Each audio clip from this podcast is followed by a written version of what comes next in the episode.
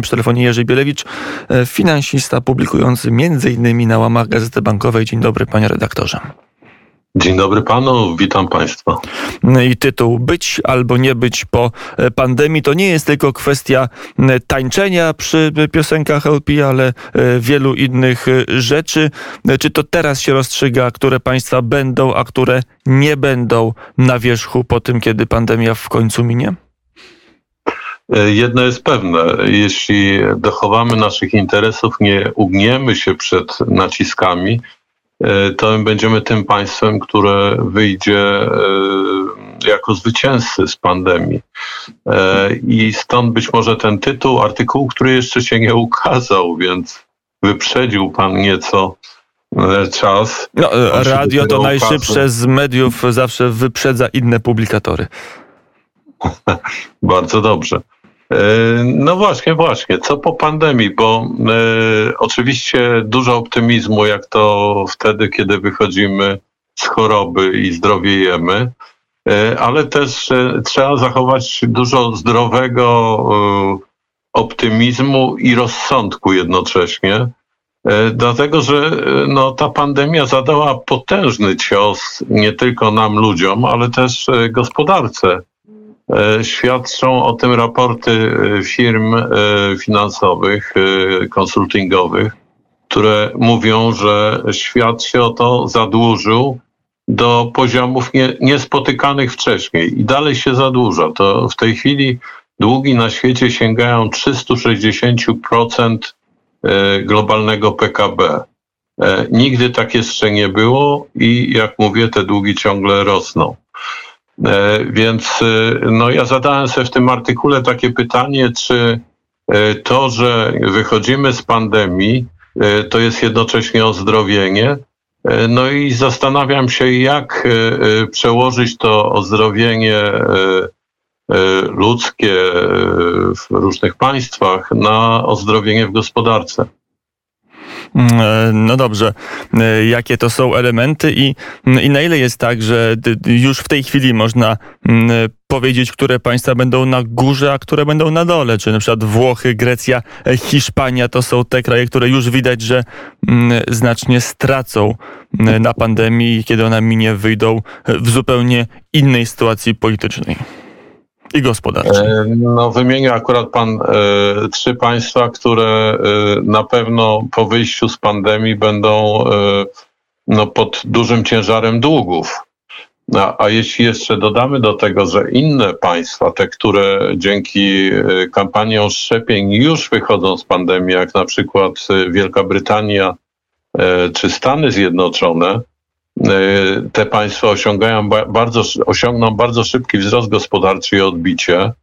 Jeśli dodamy do tego, że Chiny w tym roku mogą wzrosnąć o 8,5%, e, to wtedy mm, no, jest pewny taki strach przed inflacją.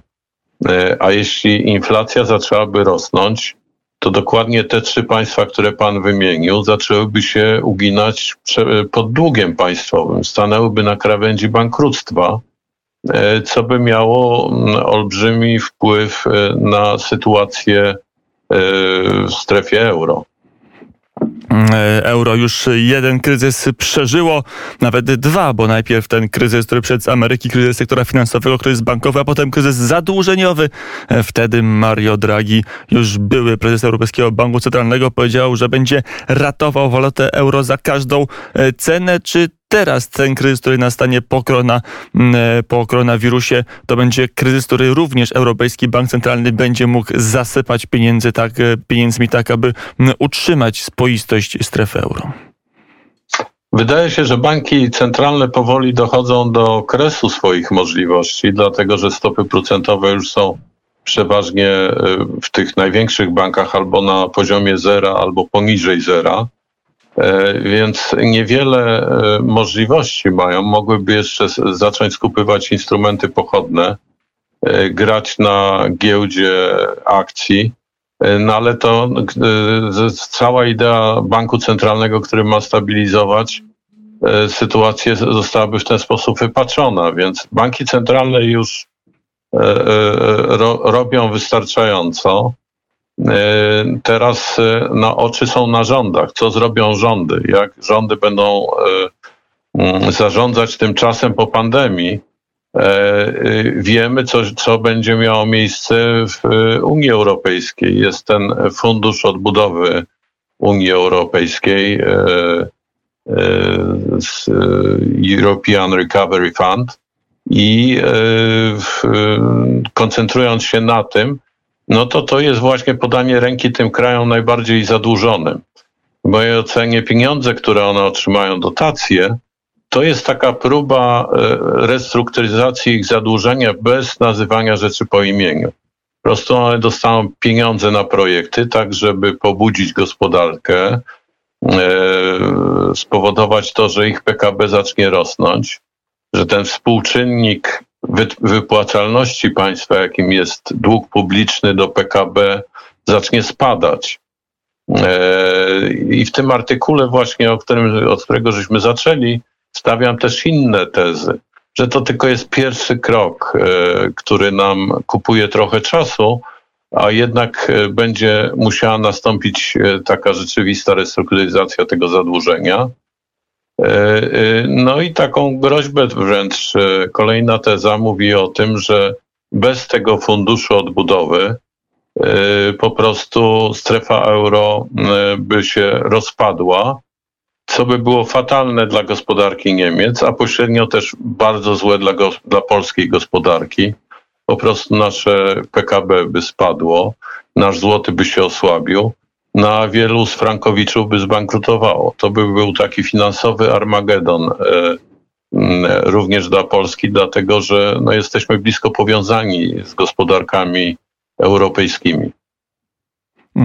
I to jest mm, jeden z elementów, dlaczego warto bronić, jak rozumiem, porządku, który jest obecnie. Pytanie, jak długo da się go obronić, bo wielu ekspertów mówi, że e, tak naprawdę Unia Europejska nigdy nie odzyska jako obszar gospodarczy swojej żywotności. Nigdy nie powrócą e, piękne lata 60. czy nawet 70., kiedy panował rozwój na e, południu Europy, kiedy był wzrost gospodarczy, dopóki jest euro. To euro jest tym kamieniem kamieniem e, u nogi, który powstrzymuje, no, a może topi gospodarki południa Europy, Włoch, Grecję, może... Hiszpanię. E, zgadza się, panie redaktorze, ale e, na wszystko jest czas. Ja byłem olbrzymim przeciwnikiem euro przez wiele lat i często mówiłem na waszych falach Radia Wnet o tym, co ta waluta robi złego dla gospodarki wielu państw i jak Niemcy na tym korzystają. E, jednak to nie jest ten moment. Nie jest ten moment, e, dlatego że tu by się nawarstwiło kilka kryzysów.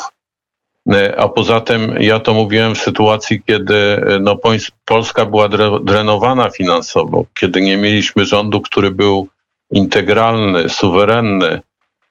No i te pieniądze wyfruwały z Polski w sposób przyspieszony.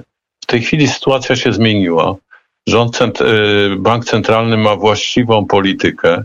Nie wchodzimy, nie chcemy wchodzić do strefy euro, więc nam tu jest w tej chwili jak u Pana Boga za piecem.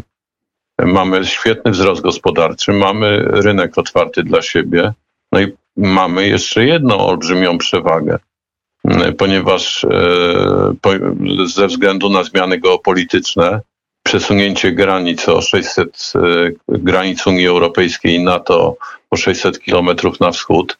My teraz jesteśmy państwem granicznym. E, I to nasze położenie w centrum Europy jako państwa granicznego między wschodem a zachodem e, możemy wykorzystać, tak jak niegdyś robiły to Austria czy Niemcy, możemy wykorzystać na naszą korzyść. A jeszcze dla nas działa to, że ciężar handlu światowego w tej chwili jest w regionie Pacyfiku dotąd był w regionie Atlantyku.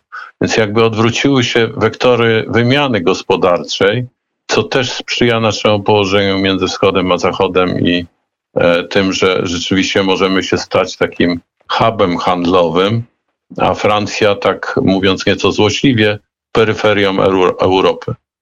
Mm, e, no dobrze. Mm, e, to jest element, jeśli chodzi o Unię Europejską, a czy Unia Europejska jako obszar da sobie radę w e, świecie, gdzie Chiny idą do góry, a Stany idą w dół? Teraz trwają właśnie konferencja i trwają rozmowy między przedstawicielami jednego i drugiego mocarstwa. Czy Unia Europejska może cały czas rozumować, że utrzyma swój obszar, kiedy dookoła niej świat się dość radykalnie zmienia? E, no mówimy w radio, w mediach, więc e, bardzo takie mocne słowa pan powiedział.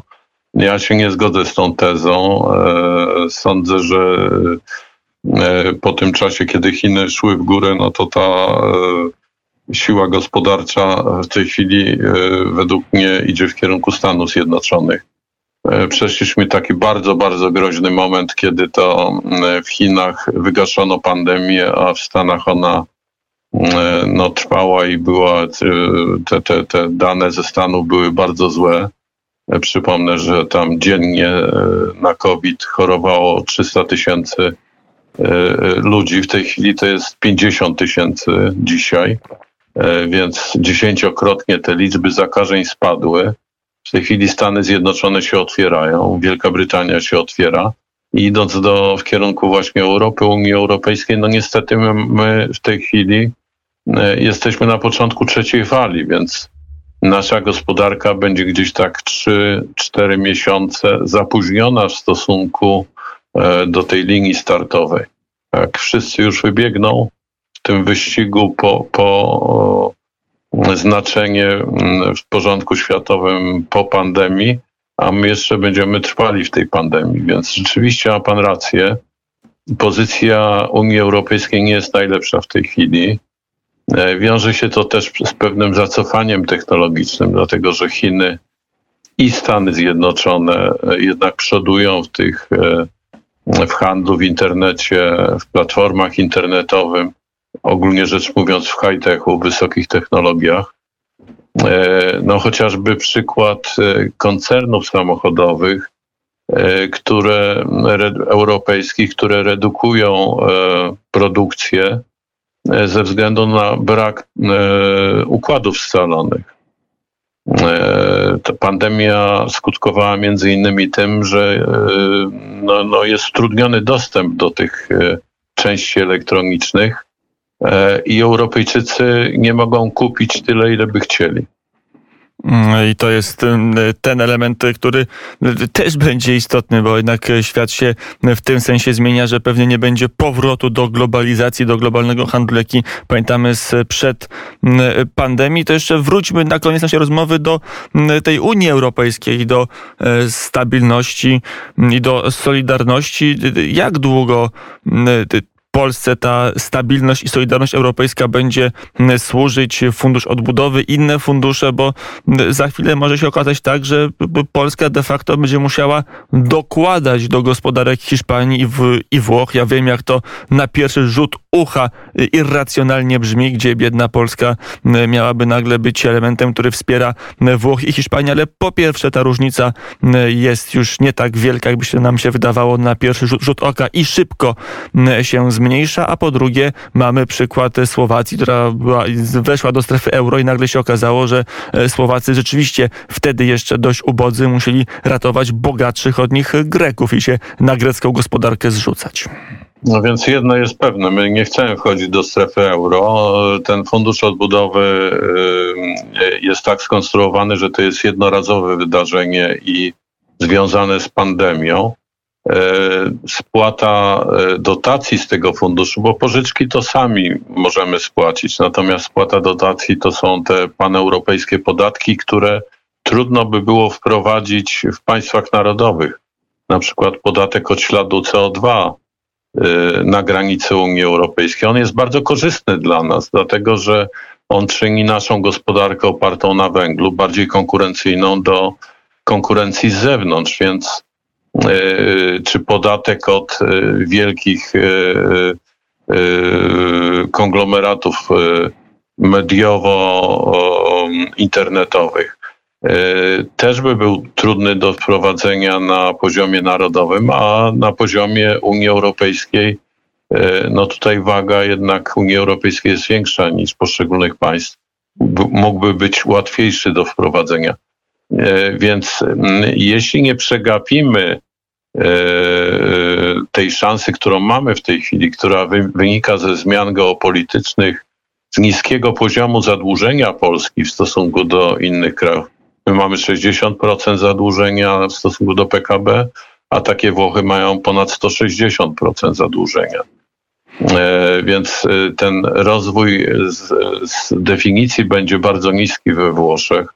U nas będzie bardzo szybki, będziemy w tej chwili bardzo szybko nadganiać.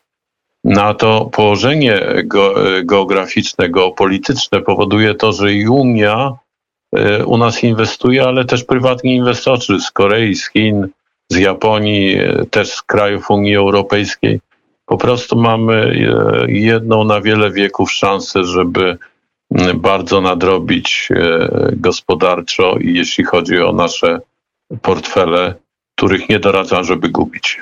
E, to prawda. I tą puentą, żeby nie gubić portfeli e, telefonów, również nie polecamy gubić w ogóle. E, Pilnować naszych interesów. Tak jest, swoich państwowych i swoich prywatnych również jak najbardziej. Jerzy Bielewicz, finansista Resta Bankowa, był gościem popołudnia wnet. Bardzo serdecznie, panie redaktorze, dziękuję za rozmowę. To ja bardzo dziękuję. Do widzenia.